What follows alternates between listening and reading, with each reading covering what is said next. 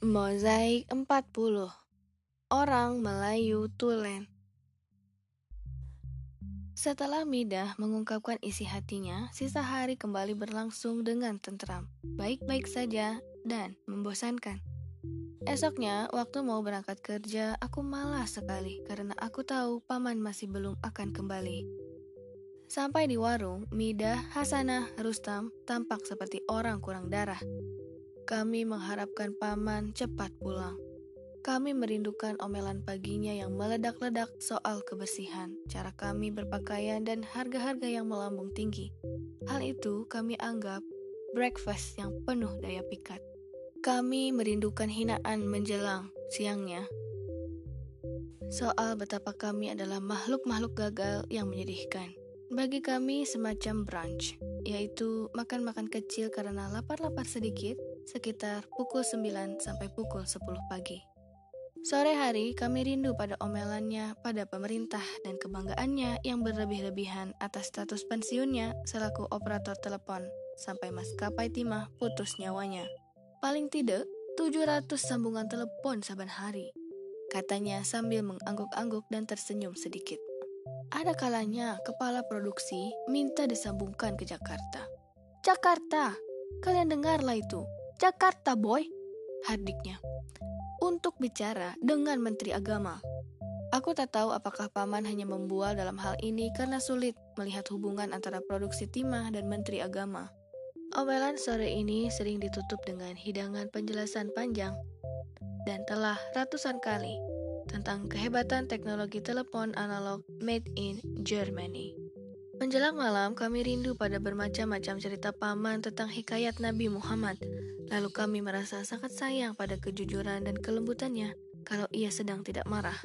Semua itu adalah protokol hariannya yang lambat laun berubah menjadi seni bekerja dengannya. Kami telah bekerja pada paman sekian lama. Yang kami dapatkan adalah training yang militan, disiplin, dan kecintaan pada profesi. Kami telah datang padanya untuk mengadu, yang kami dapatkan adalah orang yang siap membela kebenaran dengan risiko apa pun. Kami telah mendengar pendapatnya tentang pemerintah. Yang kami dapatkan adalah kejujuran yang brutal.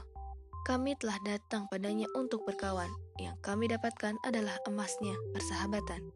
Terbongkar sudah misteri yang telah lama ku cari kuncinya tentang mengapa Midah, Hasanah, dan Rustam betah bekerja dengan paman. Mereka tak pernah mau bekerja di warung kopi mana pun walau diimingi apa pun. Daya pikat warung kopi paman ternyata terletak pada diri paman sendiri. Hati lelaki itu jauh lebih besar dari pensiunnya. Paman adalah orang Melayu lama jenis asli. Ia prototipe orang Melayu tulen. Di dunia yang ingar-bingar penuh huru hara, paman adalah sebuah kemurnian. Ia seperti Bang Zaitun, pimpinan Orkes Melayu Pasar Ikan Belok Kiri. Sudah susah mencari orang Melayu seperti mereka. Orang Melayu dewasa ini tak lagi berpantun. Mereka terobsesi pada gengsi, politik, kekuasaan, citra terpelajar yang palsu dan penuh basa-basi yang melelahkan. Basa-basi yang mereka tiru dari televisi. Hari ketiga itu berlalu dengan hampa. Kami bekerja malas-malasan. Suasana tentram dan damai ini sungguh tak menyenangkan. Ini palsu, ini bukan kami. Ini bukan warung kami. Kami yang dulu ingin agar paman tak segera kembali, kini malah berharap angin selatan teduh sehingga paman cepat pulang. Mida mengambil sikap sedikit dramatis. Ia menitipkan pesan pada seorang nelayan yang sore itu tambat di dermaga membawa kopra dan akan kembali ke Pulau Sekunyet, bahwa paman harus cepat pulang sebab warung kopi kisruh banyak pelanggan marah-marah. Menjelang siang esoknya, brunch time, kami terkejut mendengar teriakan dari pekarangan warung. Midot! Kami menghambur ke beranda dan berdirilah di sana lelaki fenomenal itu memegangi selangkangnya. Kami takut, tapi senang.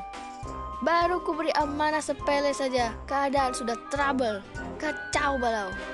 Pernah kukatakan padamu kawan, Midah adalah deputy jika paman tak ada, dialah PJS, pejabat sementara. Apa susahnya mengurus soal remeh begini? Monyet saja diajari sedikit bisa menjadi pelayan warung kopi. Paman yang selama tiga hari mendengar debut ombak makin keras suaranya. Midot gemetar, namun tampak berusaha keras menyembunyikan senyumnya. Kami semburat kembali ke pekerjaan yang sempat kami tinggalkan tadi.